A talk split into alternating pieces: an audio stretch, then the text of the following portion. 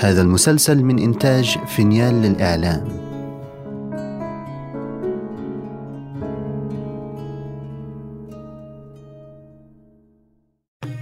كان يا مكان في بعيد البلدان.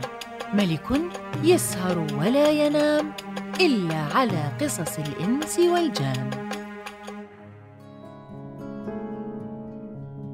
وبلغني أيها الملك السعيد أن جارة علشار العجوز قد وجدت زمرد في قصر الملعون رشيد الدين.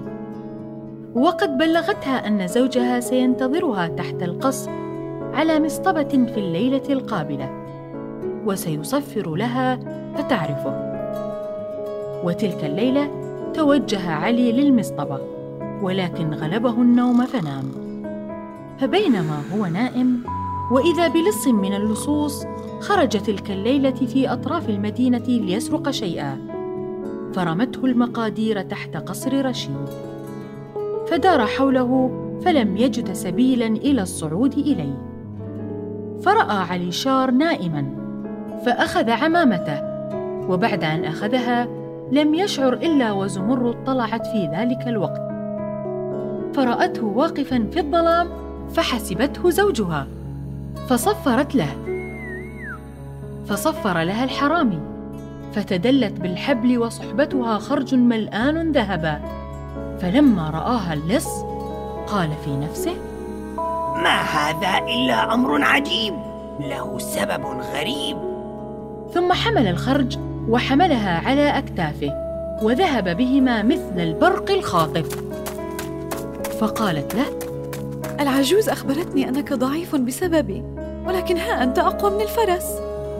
فلم يرد عليها جوابا فحسست على وجهه فوجدت لحيته مثل مقشة الحمام وكأنه خنزير ابتلع ريشا فطلع زغبه من حلقه ففزعت منه وقالت له أي شيء أنت؟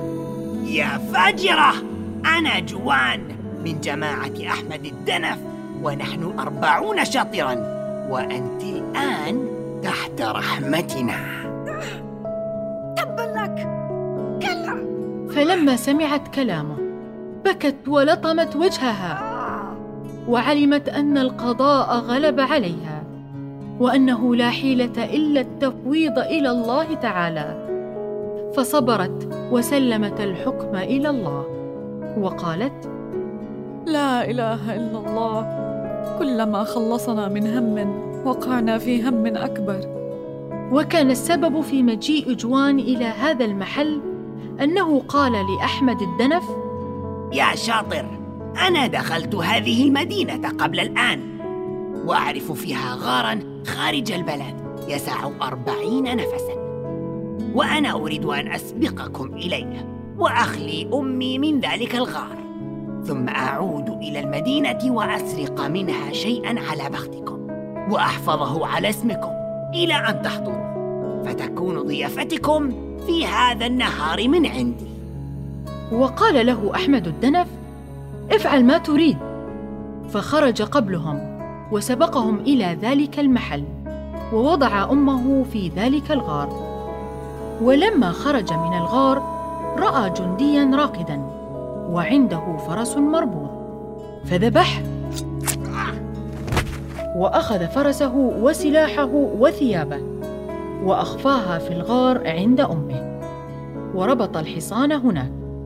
ثم رجع إلى المدينة ومشى حتى وصل إلى قصر رشيد. وفعل ما تقدم ذكره من أخذ زمرد. ولم يزل يجري بها إلى أن حطها عند أمه وقال لها أمي! احتفظي بها إلى حين أعود إليك في بكرة النهار ثم ذهب فقالت زمرد في نفسها وما هذه الغفلة عن خلاص روحي بالحيلة؟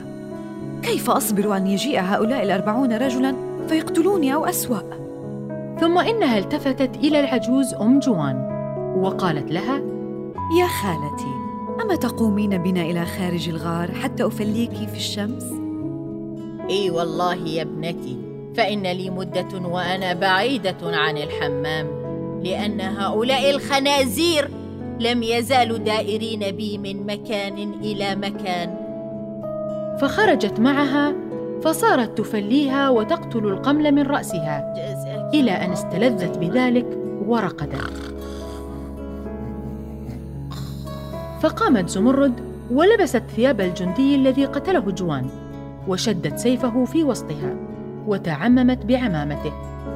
حتى صارت كأنها رجل وركبت الفرس وأخذت خرج الذهب معها. وقالت يا جميل الستر استرني بجاه محمد صلى الله عليه وسلم. ثم إنها قالت في نفسها إن رحت إلى البلد ربما يراني أحد من أهل الجندي فلا يحصل لي خير. ثم أعرضت عن دخول المدينة وسارت في البر القفر. ولم تزل سائرة بالخروج والفرس وتأكل من نبات الأرض وتطعم الفرس منه وتشرب وتسقيه من الأنهار مدة عشرة أيام. وفي اليوم الحادي عشر أقبلت على مدينة طيبة أمينة بالخير مكينة قد ولى عنها فصل الربيع بزهوره ووروده. فزهت أزهارها وتدفقت أنهارها وغردت أطيارها. فلما وصلت إلى المدينة وقربت من بابها وجدت العساكر والأمراء وأكابر أهل المدينة كلهم مجتمعين ببابها ولا بد لذلك من سبب. ثم إنها قصدتهم فلما قربت منهم تسابقت العساكر وترجلوا وقبلوا الأرض بين يديها وقالوا الله ينصرك يا مولانا السلطان! واصطفت بين يديها أرباب المناصب من العساكر يرتبون الناس ويقولون لها الله ينصرك ويجعل قدومك مباركا على المسلمين يا سلطان العالمين ثبتك الله يا ملك الزمان يا فريد العصر والأوان فقالت لهم زمرد ما خبركم يا أهل هذه المدينة؟ فقال الحاجب إنه أعطاك ما لا يبخل بالعطاء وجعلك سلطانا على هذه المدينة وحاكما على رقاب جميع من فيها. واعلم أن عادة أهل هذه المدينة إذا مات ملكهم ولم يكن له ولد. تخرج العساكر إلى ظاهر المدينة ويمكثون ثلاثة أيام. فأي إنسان جاء من الطريق الذي جئت منه يجعلونه سلطانا عليهم. والحمد لله الذي ساق لنا إنسانا من أولاد الترك جميل الوجه فلو طلع علينا أقل منه كان سلطانا. وكانت زمرد صاحبة رأي في جميع أفعالها. فقالت لا تحسبوا أنني من أولاد عامة الأتراك بل أنا من أولاد الأكابر. لكنني غضبت من أهلي فخرجت من عندهم وتركتهم. وانظروا إلى هذا الخرج الذهب الذي جئت به تحتي ليتصدق منه على الفقراء والمساكين طول الطريق. فدعوا لها وفرحوا بها غاية الفرح. وكذلك زمرد فرحت بهم. ثم قالت في نفسها بعد أن وصلت إلى هذا الأمر لعل الله يجمعني بزوجي في هذا المكان. إنه على ما يشاء قدير. ثم سارت العسكر حتى دخلوا المدينة. وترجل العسكر بين يديها حتى أدخلوها القصر. فنزلت وأخذها الأمراء والأكابر حتى أجلسوها على الكرسي. وقبلوا الأرض بين يديها. فلما جلست على كرسي الحكم أمرت بفتح الخزائن. ففتحت وأنفقت على جميع العسكر. فدعوا لها بدوام الملك وأطاعها العباد وسائر أهل البلاد. واستمرت على ذلك مدة من الزمان وهي تأمر.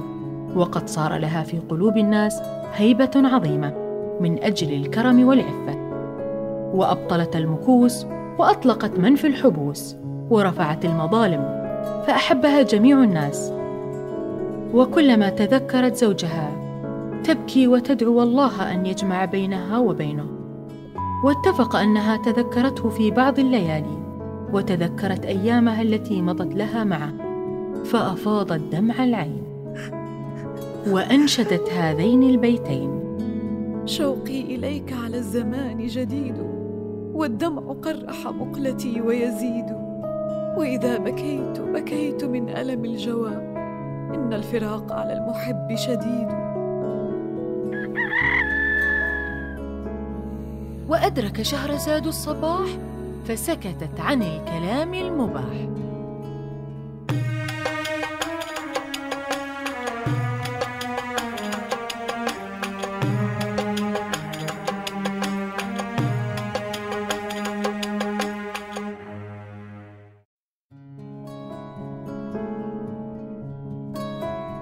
إذا استمتعتم بهذه الحلقة لا تنسوا الاشتراك لبث المسلسل ومتابعتنا على جميع منصات السوشيال ميديا.